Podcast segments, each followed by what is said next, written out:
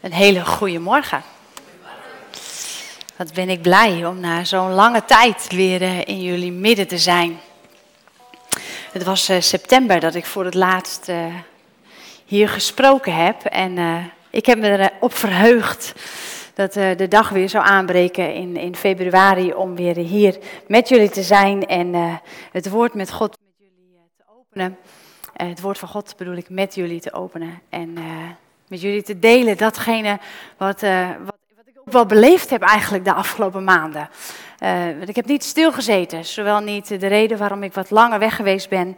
was destijds uh, mijn nieuwe baan die startte. Maar, maar onder andere ook in het bestuderen en het lezen van Gods woord, het lezen van boeken. om ook mijn geestelijk leven te verdiepen en, en daarin iets meer ook weer te ontdekken van, van wie God is. En ik vond het mooi dat we in een van de liederen zongen: uh, Niets is zo goed als een leven heel dicht bij u. Het is niet, er is niets beter dan een leven dicht bij Jezus. Niets in dit leven is zo goed. Beseft u wat u heeft gezongen? Al die andere zaken. Niets is zo goed als een leven dicht bij Jezus, als een leven in Jezus, als een leven met Jezus. En ik ben wel geraakt door de diepe bewogenheid die ik hier proef. Als we kijken naar de situatie, de aardbeving in Turkije en Syrië. En al horende en denkende en lezende ook afgelopen week, ook van andere medechristenen, ook bij onszelf, de bewogenheid daarin denk ik, oh jongens, maar als ons dit zou overkomen. Als wij, wat we hebben gezongen, hè, als zouden zeeën kolken, oceanen kolken. Als zou de aarde scheuren, de bergen wankelen. U bent God, u blijft God.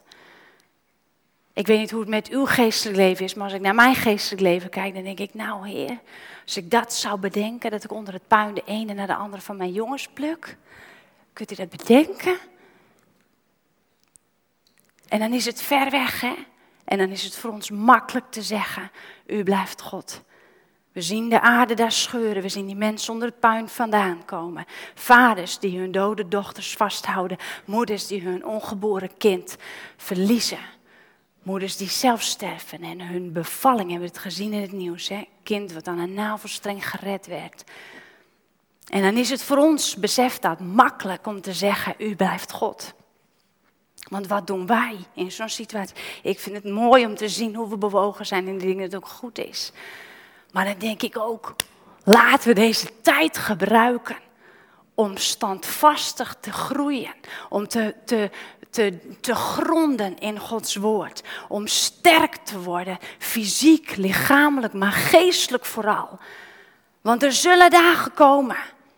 Er zullen momenten komen. Misschien gaat onze aarde een dag scheuren. Kunnen we dat bedenken? Dat kunnen we niet bedenken, maar we konden vijf jaar terug ook niet bedenken dat we twee jaar lang in een enorme pandemie zouden gaan zitten. En ook dat is ons overkomen. En ook dat hebben we overleefd. Maar ook heel veel niet. En wat een ravage heeft die pandemie achtergelaten. Dus maken we ons klaar. Laten we ons vasthouden. Heer, dat leven dicht bij u. Er is niet zo goed als een leven dicht bij u. Laat me groeien in dat goede. Laat mij groeien in dat leven dicht bij u. Dat als de oceanen gaan kolken en als de aarde gaat scheuren en de bergen gaan wankelen, dat ik dan kan zeggen, u bent God. Laat mij dat op dat moment kunnen zeggen. We gaan met elkaar kijken naar het stukje of het stukje, ik moet niet stukje zeggen, naar een gedeelte uh, uh, uit Gods woord, meerdere gedeeltes, waarin Jezus ons iets laat zien van zijn leefstijl, van zijn levenswijze. En ik ben eerst wel even benieuwd, wie van jullie wil lijken op Jezus? Wie wil lijken op Jezus? Ja, meesten toch wel, iedereen wel. Hoe ziet dat eruit? Als je lijkt op Jezus, hoe ziet dat eruit? Roep maar. Dan volg je, maar hoe ziet dat er dan uit? Bij alles je afvragen wat Jezus zou doen. Oké, wat zou Jezus dan doen als je nu hier zit? Barmhartig, oké, ja. Onvoorwaardelijke liefde voor anderen. door het lijden heen gaan. Lijden niet vermijden. Niet oordelen. Wat zou Jezus nog meer doen? Wat deed hij? Dienen. Rechtvaardig genezen. Legde de muziek de handen op, ze genazen. Bidden. Hij bad.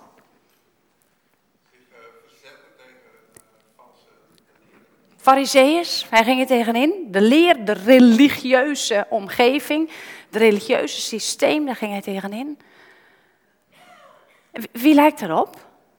Wie lukt het om dit te doen? Alles.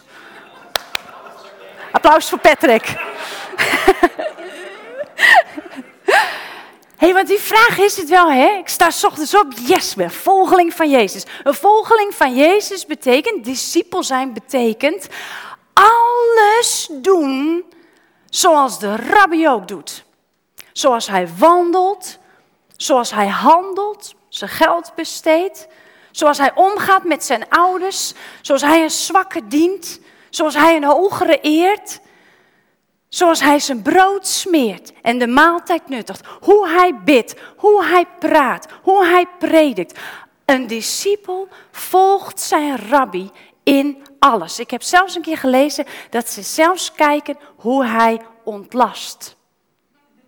Zo letterlijk volgt een discipel de, de, het hele leven, het hele wezen, het hele zijn van zijn rabbi. En dan kijken we even naar handelingen van Jezus. Ik heb ook een aantal opgeschreven. Bijvoorbeeld die tweede maal lopen die Jezus predikt. Zijn discipelen uitnodigt, doe dat daar. De andere wang toekeren. Um, in rust en vertrouwen leven. Liefdevol en wijs zijn. De mensen genezen werd al genoemd. Een bevrijd, gered leven leven.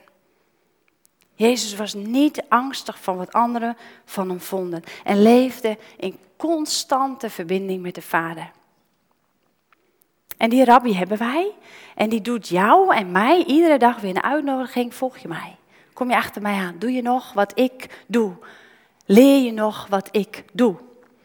Hoe leef je dat bevrijde, onbezorgde leven dan? Hoe voeren we dat dan uit? Hoe doen we dat? Zonder angst, zonder haast leven. Zonder zorgen leven. Hoe komt het dat wij als volgelingen van Jezus daar zo slecht in slagen? Ik weet hoe het met u gaat, maar dat lukt mij zo moeilijk. Ik vind het zo lastig. Maar oh, wat denk ik vaak, mijn recht halen. Op een dag, dan herstelt God dat en dan is er geldingsdrang bij mij. Datgene wat er aan onrecht gedaan is. Maar we ook nog even te denken aan die hyperfocus die we soms als christenen kunnen hebben op het uitleven van datgene wat Jezus onderwijst. Zijn gedrag, de hyperfocus op genezing of op de gaven van de geest. We strekken ons uit naar het spreken in tongen. We strekken ons uit naar het kunnen profiteren. En dan komen we thuis na een conferentie we komen thuis na een dienst. En we zien dat de buurman de schutting blauw geverfd heeft. En we beginnen. Herken je dat? En dan denk ik, dan is het leven van Jezus soms zo snel, zo ver weggezonken. Of denk je van die tweede maal? Ja, die tweede maal is heel makkelijk voor iemand die ook goed voor jou is. Maar een tweede maal lopen voor iemand die altijd de kantjes eraf loopt. Een tweede maal lopen voor die collega die eigenlijk nooit iets terug doet. En je het altijd zelf moet doen. Zelf moet oplossen. Dat is lastig. En begrijp me goed, ik gooi geen oordeel op jou of op jou. We hoeven niet elkaar te veroordelen of oordelen. Ik hoef niet te zeggen dat het goed of fout, of dat je van mij zegt dat het goed of fout is. Maar even een vraag. Hoe staat het met jouw leven? Met jouw discipelschap? Met jouw volgen van Jezus? En als je daar dan even een meetlat naast legt, hoeft niet, maar het mag. En je kijkt naar het leven van Jezus. Mag dan vandaag de vraag zijn: wil jij groeien in het volgeling zijn van Jezus? Wil jij meer en meer op Jezus gaan lijken? Dat is de vraag, dat is een uitnodiging. Want als je dat wil, dan is het goed om te kijken, hoe doet die rabbi dan? Hoe wandelt hij dan? Wat zegt en spreekt hij? Waarin kan ik hem dan daarin volgen? Ik vind het zo mooi dat Jezus dan zegt, doe wat ik ook doe. En dat zegt hij in Matthäus 11, vers 28. Nou, als het goed is, wordt het geprojecteerd. Ja, daar is hij. 11, vers 28. Even kijken, heb ik hem nou verkeerd? Ja, hier is hij. Kom naar mij toe, allen die vermoeid en belast zijn. En ik zal u rust geven. Ha, lekker hè? God zal je, Jezus zal je rust geven. Neem mijn juk op u en leer van mij. Dus oftewel, leer van Jezus. Ik zal zo meteen nog wat meer erover zeggen. Want dat ik, oh nee, en leer van mij dat ik zachtmoedig ben en nederig van hart. En u zult rust vinden voor uw ziel. Want mijn juk is zacht. En die last van het volgen van de rabbi in alles wat hij doet is licht. Het is een lichte last. En dat juk, ik heb hem onderstreept. Het juk, dat is niet een juk omdat Jezus een boer is en zegt, nou ik ben ook boer aan het boeren. Neem mijn juk op je. Jezus is niet een boer, hij is een rabbi. En een rabbi heeft een juk. En een juk is een serie aan leringen die hij zijn volgelingen leert. Dus als Jezus zegt, neem mijn juk op je, dan zegt hij, neem mijn leringen, mijn overtuigingen, mijn levenslessen, mijn hele leefstijl, neem dat op je. En mijn lering neemt die op je, mijn last en mijn juk. En die is zacht en die is licht. Wonderlijk toch? Als we net even geschetst hebben wie Jezus is, is barmhartig en hij geneest de zieken. Hij loopt die tweede mijl. Hij is zorgzaam en hij is liefdevol. Hij kent geen zorgen. Hij is 100% in, in, in afstemming met de Hemelse Vader. Hij agendeert tegen de religiositeit zonder angst. Zelfs zonder angst tot aan de dood. Met uitzondering van de tuin waar hij bloed zweette omdat hij wist wat er stond te gebeuren. En toch ging hij in vertrouwen. Als we dat willen leren, dan blijkt dat een last te zijn, een juk te zijn die zacht is en die licht is. Een discipel is een volgeling van Jezus, zei ik al. En die doet zijn best, en het zijn drie punten, bij Jezus zijn als Jezus worden, en doen wat Hij ook zou doen als Hij jou was. Nou, dat is die vraag, hè? Wat zou Jezus doen in jouw situatie, in elke situatie? Weet u wat het is? Het probleem is niet dat wij niet willen zijn zoals Jezus. Het probleem is dat wij het zo lastig vinden om zijn leefstijl eigen te maken. En daarbij moet ik even denken aan een voorbeeld van Irene Schouten. Kennen jullie Irene Schouten? Drievoudig schaatskampioen vorig jaar bij de ehm, Olympische Spelen. Driemaal goud gewonnen. Een prachtvrouw. Ik weet niet wie van jullie houdt van schaatsen. Ik houd van schaatsen. Ik zou mezelf dus ook wel een schaatser willen noemen. Zoals ik mezelf ook een christen noem. Even om de voorbeeld scherp te stellen. Ik zou dus ook een schaatser kunnen zijn. Ben ik dan zo goed als Irene Schouten? In de verste verte niet. Maar ik zie haar schaatsen en denk ik, oh, ik zou ook zo willen schaatsen. Die slagen en dat heen, oh, fantastisch, die snelheid. En als je wat lager staat, dat je zo over dat gladde ijs soeft. En dan die spieren, dat, dat sterke lijf, dat slanke, sterke lijf. Wat die snelheid aan kan. En ze heeft ook nog eens een keer een mooie kop. Dus maakt het nog wel leuk dat je denkt, nou, dat zou ik ook wel willen. Ik volg haar op Instagram en ik zie haar af en toe leuke dingen ondernemen met haar vrienden. En pas getrouwd, fantastisch mooi bruidspaar. Dus naast het schaatsverhaal is het hele verhaal voor mij van Irene Schouten wel een soort van idool. Ik zou wel Irene Schouten willen zijn.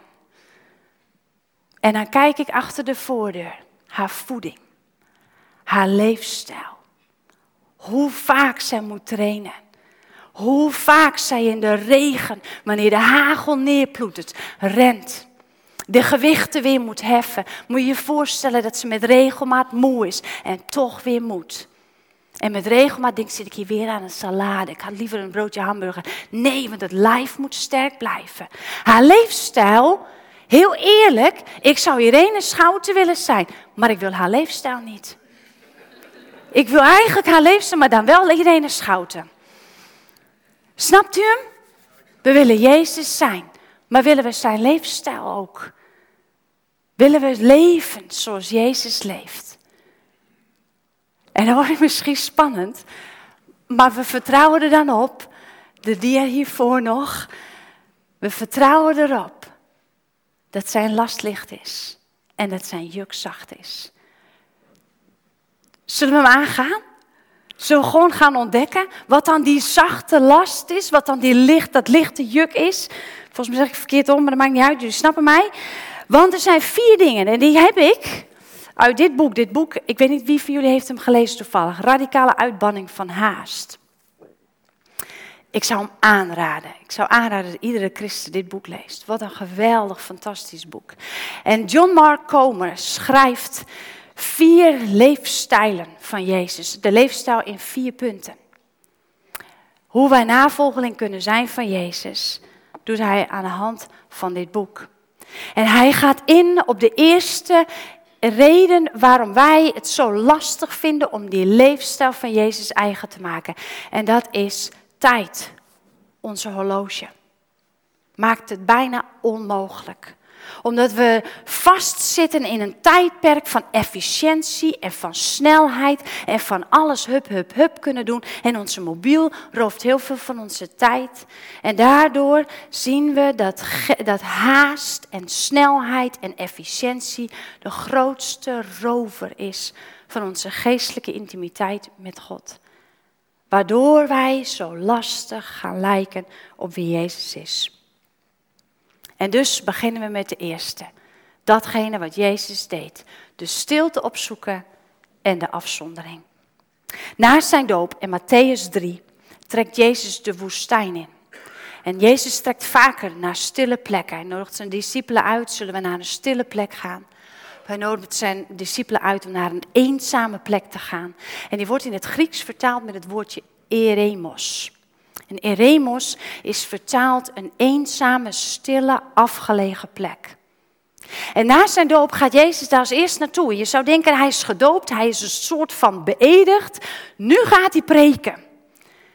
Maar dat doet hij niet. Hij gaat eerst de woestijn in, 40 dagen lang. En ik weet niet hoe het voor jullie vergaat, maar aan het eind van die 40 dagen wordt je verzocht. En ik heb dat altijd geïnterpreteerd als, nou dat is nou flauw. Dan ben je op je allerzwakste en dan komt de duivel. Dan ben je op je aller, allerkwetsbaarst. Na 40 dagen woestijn, vermoeid, verzwakt, hongerig. En dan komt Satan. Was Jezus vermoeid, verzwakt en hongerig? Na die 40 dagen was hij het meest krachtig. Het meest sterk. Hij had 40 dagen opgetrokken met zijn hemelse vader. Als er één moment in het leven van Jezus was waarbij hij geestelijk 100% weerbaar was tegen de aanval van Satan, was het na die 40 dagen. En we zien het op andere momenten, andere plekken in de Bijbel ook weer terug. Wanneer er de, vorige keer over gepreekt, toen hebben we een dag stage gelopen bij Jezus. Weet u het nog? Het was in september. We hebben een dag meegelopen in al die drukte.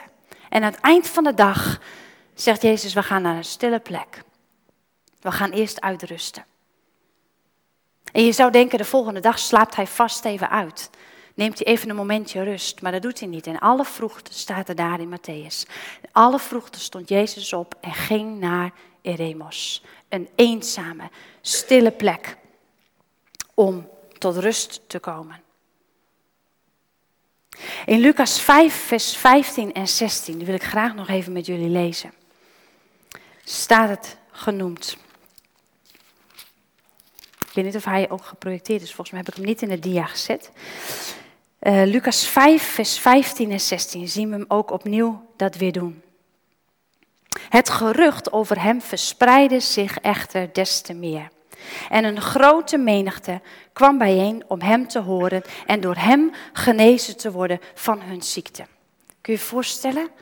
Jezus wordt een soort van idool. Hij wordt bekend. NOS zou er naartoe gereden zijn. Nieuwsreporters zouden naar hem toegegaan zijn. Jezus, de geneesheer, die is weer op een plaats. We gaan achter hem aan en de menigte stormt achter hem aan. En menig spreker, menig grote geneesheer, zou toch eigenlijk denken, nou ik trek mijn nieuwste pak aan en ik zal zorgen dat de geluidsmontage klaar is en ik zal ervoor zorgen dat ik nog meer mensen kan bedienen. Mijn pastorale mensen installeer ik zo, want dan kunnen we er misschien nog tien meer bedienen. Wat er gebeurde was dat Jezus in populariteit toenam. En wat doet hij dan vervolgens? Maar, staat er dan in vers 16, hij vertrok naar de woestijnen en bad daar. Wanneer het het meest druk werd in zijn carrière, tussen haakjes. Wanneer het het meest heftig werd en spannend werd misschien wel, omdat er mensen meer op hem afkwamen. En je zou denken, nu is het tijd, nu ga je ervoor, zegt Jezus. Maar hij trok eerst de woestijn in. Wanneer jij in jouw leven, vlak voor een sollicitatie, vlak voor het kopen van een huis, vlak voor het aanreiken van een, of het, het uh, organiseren van een bruiloft, geboorte van een kind, andere kleinere dingen, het maken van een maaltijd voor je vrienden, het organiseren van een dienst, het installeren van jezelf als oudste, het prepareren van een zangdienst. Het regelen van kinderwerk. Zoveel dingen. Wanneer je op het punt staat om te denken. En nu zoek dan eerst de rust op. Eerst naar Eremos. Jezus laat ons zien. Zoek eerst de eenzaamheid en de stilte op. Stilte en afzondering. Dus wat anders dan eenzaamheid. Er zijn mensen eenzaam. Ik weet dat we het hier een keer gevraagd hebben. Er gingen best wel wat vingers omhoog. Er zijn die mensen eenzaam. Stilte en afzondering is niet eenzaamheid opzoeken. Stilte en afzondering is een plek zoeken om in 100% verbinding met de Vader te zijn en die te zoeken. Zelf ben ik vorig jaar, anderhalf jaar terug, in de zomer gestart met stille tijd. Ik weet, niet, ik weet niet meer zo goed of ik het hier verteld heb, maar toen dacht ik, het is zomervakantie. Een goede gewoonte duurt meestal 40 dagen voordat het ingesleten is. Het was vlak voor de zomervakantie, dacht ik, dan heb ik zes weken de tijd om deze gewoonte in te laten slijten. Lijkt me een goeie.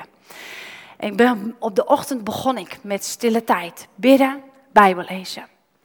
En het mocht een tien minuten zijn, mocht een kwartier zijn, mocht een half uur zijn. Dat maakte niet zoveel uit, kon ook een minuut zijn. Maar voordat ik naar beneden ga, voordat ik mijn mobiel pak, voordat ik ook maar met iemand spreek, eerst stille tijd. En ik weet nog dat we toen op vakantie gingen. En toen dacht ik, nu heb ik een probleem. Want nu zitten we in die uh, vouwwagen, een bekend verhaal hier. Uh, zit ik hier, en dan, en dan, die kinderen zijn eromheen en zo, hoe moet ik dat hebben? Ik denk, nou doe ik dat eerst dan in bed. Nou, dat werkt niet zo goed, want ik, ik had me voorgenomen fysiek, op de knieën. Heb ik mijn stille tijd. Dus op een gegeven moment de jongens gevraagd, willen jullie de tent uitgaan? Want ik wil ook in de tent mijn stille tijd houden. Even een moment om met God te zijn. En nu anderhalf jaar verder, ik voel me kaal als blote voeten in schoenen. Als zonder ondergoed de deur uitgaan. Als ik niet mijn stille tijd gehad heb. Er zijn dagen bij dat het niet gebeurt hoor. Maar dan denk ik halfweg de dag. Oh ja, ik heb een momentje stilte niet gehad. En het is niet als een. Het is een soort van naaktheid, een soort van kaalheid. Ik ervaar zo'n diepe rust en vrede in mijn leven door elke dag met God te beginnen. Voordat ik de mobiel pak, voordat ik met de kinderen praat, voordat ik iets. Soms heb ik nog niet eens met Hendrik gesproken en heb ik eerst mijn stille tijd. We hebben gelukkig een plekje apart, een aparte kamer waar we. De jongens hebben daar een drumstel staan en eh, ik heb daar mijn bureau met spullen. En dan ga ik op mijn knieën. En dan begin ik de dag met God, Heer hier ben ik weer. En soms ben ik stil en soms ratel ik en soms vraag ik. Alleen maar vragen, alleen maar zegen dit, zegen dat. En soms ook een noodkreet. En andere keren stort ik weer mijn ziel uit en denk, heer, ik zat er weer helemaal naast.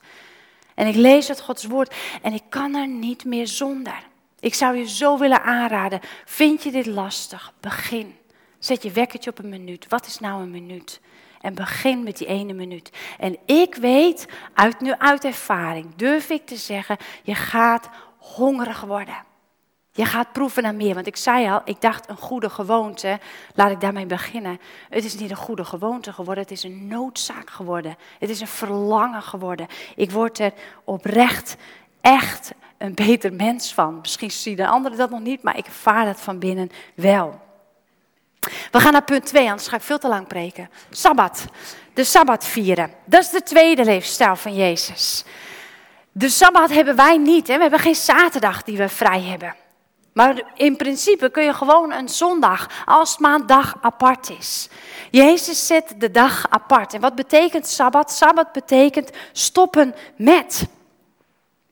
Want het is nooit klaar. Het leven is nooit klaar. De tuin is niet klaar. Het huis is niet klaar. Je huwelijk, wanneer is een huwelijk klaar? Geen moment, toch? Moet je altijd weer aan werken. Er moet altijd weer iets gebeuren. Relaties en vriendschappen. Zorg voor ouders. Lijstjes, activiteiten, dingen die georganiseerd moeten worden. Wat denk je van Gods koninkrijk? Wanneer is Gods koninkrijk klaar? Het is nooit klaar. Dus er zal een moment moeten zijn dat je stopt met. Stopt met kopen. Stopt met regelen. Stopt met mailen. Stopt met werken. Stopt met klussen. Stoppen met. Het is het vierde gebod uit ons tien geboden. En volgens mij is het het enige gebod wat we zo weinig echt ook doen. Echt even helemaal niets. En helemaal stoppen. Zodat het een plek kan zijn, zodat het een dag kan zijn die God jou gegeven heeft om tot rust te komen. Om even niets te hoeven. Het is een gezegende en een geheiligde dag. Dat is uniek voor die tijd. Want een geheiligd iets was veelal een voorwerp. Of een ruimte, een plek, een tempel of iets anders was geheiligd. Maar God kiest ervoor om een dagdeel, een dag bedoel ik, een tijd te heiligen. Dus een heilige plek, een heilig moment. En het bijzondere vind ik ook nog, zelfs God rust. Zelfs God kiest ervoor na zes dagen schepping om te rusten. En wij denken, ja, maar als ik straks thuis kom, moet ik eigenlijk nog wel even die betaling doen. En maar als ik straks thuis kom, dan is het eigenlijk nog handig als ik nog wel vast even dweil. Want het is wel onhandig als dat morgen nog moet. Ja, maar als ik, ik heb nog was om op te vouwen.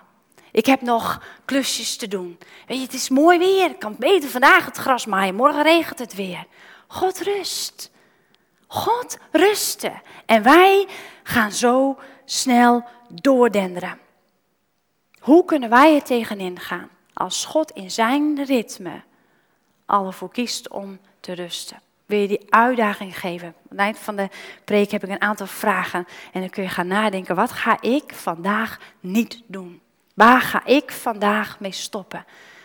Weet u wat ik ook zo mooi vind daarin?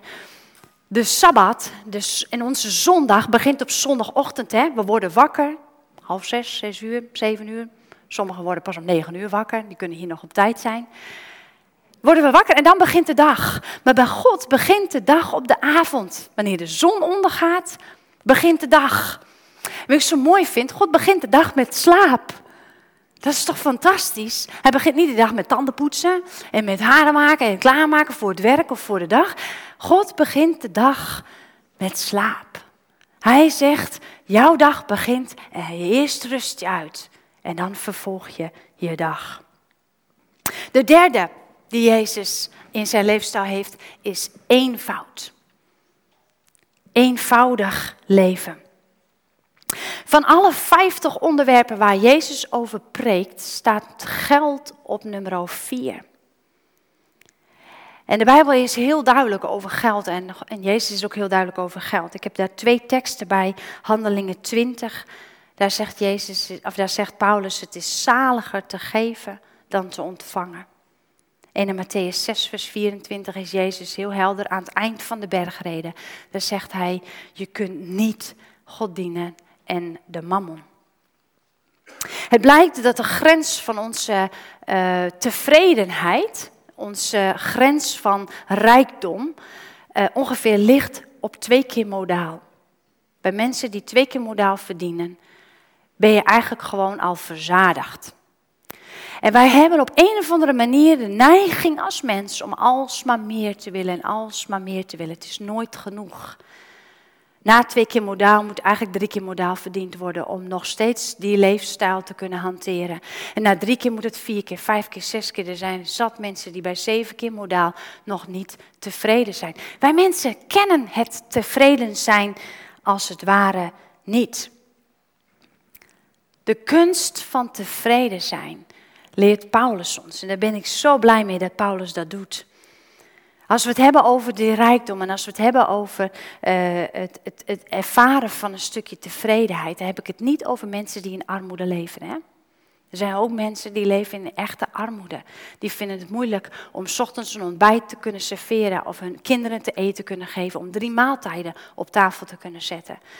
En als Jezus hier predikt over eenvoud, als Jezus ons voorleeft in zijn leefstijl, een leven van eenvoud, heb ik het niet over armoede, maar over tevreden zijn met dat wat je hebt. En daarvoor ga ik naar Filippenzen. Als het goed is, staat hier ook Filippenzen 4, vers 13. En de kentekst daarvan is: alle dingen kan ik aan door Christus die mij kracht geeft. Ik weet niet hoe jullie deze Bijbeltekst wel geïnterpreteerd hebben. Ik weet nog wel dat ik in de tijd dat ik met mijn vriendinnen zwanger was en dat we dan ombeurt en mijn vriendin van mij en ik een kind kregen dat we elkaar dat appten. Vlak voor een bevalling. Je kan alles aan. Hem die me kracht geeft. Oh ja, dat is ook zo. Die bevalling gaat me lukken, want Jezus geeft me kracht. In een ziekbed kunnen we het elkaar deze ook als bemoediging geven. Jij kan alles aan, want Jezus geeft je kracht. Wij kunnen alles aan, maar dat is geen spierballen christendom wat Paulus hier preekt. Wanneer Paulus zegt, ik kan alles aan door Jezus die mij kracht geeft. Want wat gaat daaraan vooraf als Paulus dat zegt? Hij zegt hier in Filippenzen 4, niet dat ik dit zeg vanwege gebrek, want ik heb geleerd tevreden te zijn in alle omstandigheden waarin ik verkeer. En ik weet wat het is om vernederd te worden. Ik weet ook wat het is om overvloed te hebben. En in elk opzicht en in alles ben ik ingewijd. Ik ben met alles bekend. Zowel in verzadigd zijn als in honger lijden. Zowel in overvloed hebben als gebrek lijden. En dan zegt hij, ik kan alles aan. Door Christus die mij kracht geeft. Wij kunnen niet alles aan. Kanker bestrijden. Een verlies verwerken. Bevallingen, om dan nog in dat voorbeeld te blijven. Een, een uh, situatie als Turkije. Het is niet geen spier, wij kunnen alles aan, want Christus zorgt dat wij dan de energie en de kracht en de, en, en de focus hebben om dat te kunnen overleven. Wij kunnen alles aan, omdat we geleerd hebben, als we dat willen, zoals Paulus dat ook doet, tevreden te zijn in alles. Ik moest denken aan Corrie ten Boom. Corrie ten Boom zat in een concentratiekamp en die dankte daar voor de luizen. Die dankte voor de luizen. Want, zei ze, dankzij de luizen komen de gevangenisbewaarders en de, en, en de cipiers en hoe heet die mensen, de, soldaten, onze barakken niet in. En omdat zij onze barakken niet inkomen, kunnen wij lezen uit de Bijbel. Die we stiekem mee naar binnen genomen hebben. Dankzij de vieze luizen komen zij daar niet binnen. Dan heb je geleerd tevreden te zijn in alle omstandigheden. God te danken in alle omstandigheden. Geen spierballen christendom, maar tevredenheid. Tevredenheid in dat eenvoudige leven met datgene wat we hebben. Met datgene wat we ontvangen hebben. En we willen altijd meer. De reclame laat ons dat ook zien, dat we altijd meer willen. Paulus leert ons hier, wees tevreden. Een van de vier leefstijl van Jezus. En dan tot slot vertragen. Jezus had nooit haast. Joodse mannen blijken ook niet te mogen rennen. Een Joodse man rent niet. Maar Jezus was het tegenovergestelde van niet rennen, denk je soms. Bij Jairus was hij bijvoorbeeld te laat. Het dochtertje van Jairus was niet gestorven als Jezus op tijd was. We denken van Lazarus. Bij Lazarus kwam, kwam Jezus vier dagen te laat. Dat is niet een beetje traag, toch? En waarom kon dat? Waarom kon Jezus dat? Omdat hij een 100% volle verbinding met de Vader was. En dat hij Gods zoon is. Hij wist dat hij het dochtertje van Jairus weer kon opwekken uit de dood. En hij wist dat hij Lazarus uit de dood kon opwekken. Hij verbaasde zich er ook over dat die dood er was. Hij verbaasde zich oprecht erover dat de dood zoveel schade bracht. Maar deze leefstijl van Jezus, die langzame tred, zou je kunnen zeggen, die langzame stijl van leven, geeft zoveel rust en geeft zoveel het, tijd om in het moment te leven en geen stress te ervaren. Nou, de kinderen weten het van vanmorgen. Ik was vanmorgen een beetje aan de late kant. Dus dan kom ik beneden en dan moet er snel maar brood gesmeerd worden. En, en dan merk ik het zelf, wat dat gejaagde. Maar wie kent het in de auto? Je zit op spanning, hè? Dan zit je gewoon letterlijk twee centimeter hoger. Het stuur gespannen in handen, want ik moet op tijd komen. En, nu springt hij weer op rood. En ik denk, oh wat heerlijk om te leven vanuit een, nou dan ben ik vijf minuten te laat. Wat is het ergste wat er kan gebeuren? Ik heb zelf daarin geprobeerd te oefenen met het, dan heeft het zo moeten zijn. Wanneer ik iemand bel en diegene neemt niet op. En dan bel ik nog een keer en dan denk ik na twee keer, dan heeft het zo moeten zijn. En dan hang ik op. Of dan probeer ik iets te regelen dat iets op tijd is, zodat iemand nog mee kan rijden. Of dat soort dingetjes. Maar ik weet nog dat recent dat had. En dat geprobeerd heb en dan was ik net te laat. Dan heeft het zo moeten zijn. Ik vind het zo bevrijdend om daar in dat stukje vertraging zo te leven. Zeker nu, post-corona, waar we zo gestrest leven. Alles moet weer en alles is weer mogelijk. Dus we moeten zo weer uh, alle, alles weer op, uh, hoe zeg je dat, alles weer een soort van inhalen. Maar juist leven, blijven leven vanuit die vertraging. Tot slot vier vragen. Ik heb ze niet genoteerd, dus ik moet even meekijken. Weer even terug. De eerste vraag. Wie wil leven voor Jezus? Als ik even kijk, bijvoorbeeld het voorbeeld van Irene Schouten. Ik heb bedacht dat die leefstijl wil ik niet. Ga ik ook niet op haar lijken. Wie wil, leven, wie wil lijken op Jezus? En wie zegt dan, dan ga ik aan de slag met die vier punten uit die leefstijl. Wat is jouw eremos? Waar kom jij tot rust?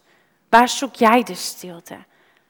Waar is een plekje waar jij deze week even met God alleen kan zijn? En voor vandaag, waar ga jij mee stoppen? Wat gaat jouw sabbat zijn vandaag? Ik stop met. Even helemaal niet en dan pak ik het morgen weer op. En de derde, wat zou jij nog graag willen? En besluit je vandaag niet te willen en tevreden zijn met wat je hebt. Dat nieuwe, nieuwe schutting, um, nieuw paar schoenen, vakantie die nog geboekt moest worden, nieuwe fiets die toch eigenlijk wel handig is als die elektrisch is. Welke dingen heb je nog op je lijstje waarvan je zegt, ik ben niet helemaal tevreden. Als ik dat heb, nou, dan ben ik echt een stukje gelukkiger. En zeg je, ga ik vandaag mee stoppen. Ik ga tevreden zijn met datgene wat ik eigenlijk nog op mijn wenslijstje had, maar ik hoef het niet. En dan de vierde, wat ga jij vandaag langzamer doen? Ja, de snelheid houden. Eh, de langste kassa kiezen. Uh, met de langste rij bedoel ik dan. Letterlijk een, een, een, stapje langzamer lopen, een stapje langzamer wandelen. Echt shocken. Wat ga jij langzamer doen vandaag of anders morgen? Zullen we even stil zijn, even nadenken van, hé, hey, welke van die, wat, antwoord ik hierop bij deze vier? Wat ga ik doen? Als jij, je, je kan ook voor kiezen, hè, zoals ik bedacht heb, Irene Schouten, no go, ga ik niet doen. is prima. Dan ga je de wens houden om op Jezus te lijken en dan kies je er vandaag voor om niet te wandelen in zijn levensstijl. Maar als je zegt, ik wil ja, ik wil meer op Jezus lijken, dat vervulde leven. Welke van die vier of wat ga je dan doen?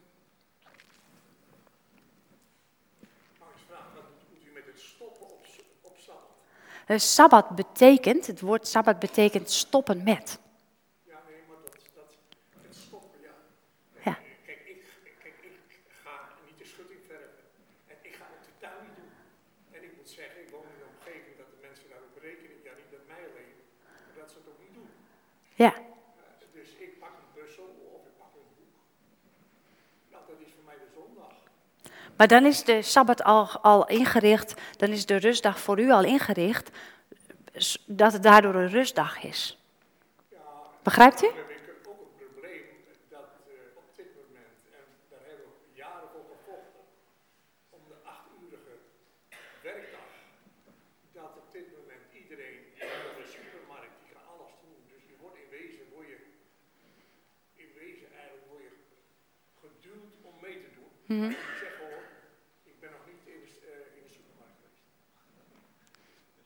En dan ben ik niet vroom hoor, ik ben me niet vroom, maar ik, ik kom uit het zakenleven. We hebben op een moment gezegd, zo lang en ook even de rust. Ja, ja, ik denk dat dat heel goed is. En ik denk dat er meer zijn hoor, die te herkennen en zeggen, nou op zondag is voor mij al echt een rustdag. Maar eh, eh, ik, ik weet ook dat er mensen zijn die zich wel herkennen en zeggen, ja hoor, klusjes gaan nog wel eens. Of wat denk je van op internet, eh, dan niet in een winkel winkelen, maar op internet winkelen. Eh, marktplaats afstruinen, de halve zondagmiddag op marktplaats zitten. Eh, of of online shoppen of noem maar op. Dus we, we- besteden onze zondag zo gemakkelijk niet vanuit een stukje rust. En vanuit een stukje stoppen met datgene wat we door de week zo al doen. Nou goed, u heeft er even naar, kunnen kijken, zelf nou kunnen, kunnen bedenken. Ik ga dat antwoord ook niet geven, dat is ook niet voor mij. Maar het is wel goed om hierover na te denken. En, eh, en, als, en te bedenken, wil ik op Jezus lijken? Wat zijn dan die eerste stappen? Zullen we met elkaar in gebed gaan? Dank u wel, Hemelse Vader, dat we zo eh, deze morgen ons hebben mogen verdiepen in, eh, in uw le- leefstijl, Heer Jezus. Dank u wel dat u ons vanmorgen een aanreiking doet. Wil je op mij lijken? Wil je een volgeling van mij zijn? Wil jij een discipel van mij zijn? En als je antwoord dan ja is, kom dan achter mij aan. Volg mij dan als discipel, als leerling. En doe alles wat ik ook doe. Heer, dank u wel dat we vanmorgen even een greep hebben mogen kunnen bekijken uit datgene wat u deed, Heer Jezus. Die vier dingen. Heer, en er zijn er vast nog meer, maar wat mooi om hiermee te beginnen. Om rust en afzondering te zoeken. De Sabbat te vieren. Rust te vieren, het als een geheiligde dag te ervaren. Te vertragen en te leven in eenvoud. Tevreden te zijn. Dank u wel, Heere God, dat we zo mogen leren om onderweg te zijn en met u op pad te zijn. Heer, wat een aanstekelijk christendom zou dat voortbrengen als we op deze manier op u lijken en op deze manier straks ook thuiskomen. En bij onze buren, bij onze vrienden en onze familie op visite zijn en iets van u kunnen laten zien. Dank u wel, Hemelse Vader, dat u, zoals we het ook gezongen hebben, dat ook belooft. Er is niets zo goed als dit leven, als deze leefstijl. Als een leven dicht bij u, achter u aan. Niets zo goed. Wat een wonder, Heer. Wat een genade, wat een grootheid, wat een vreugde en een geluk. We bidden u een zegen, Heer. Over dit woord, over datgene wat het in ons hart doet. Wilt u aan het werk gaan en dank Heilige Geest, dat we daarin ook op u mogen vertrouwen. Amen. Nog even herhaling. Mag gerust straks even foto maken van de voorkant of even overnemen. Echt een tip.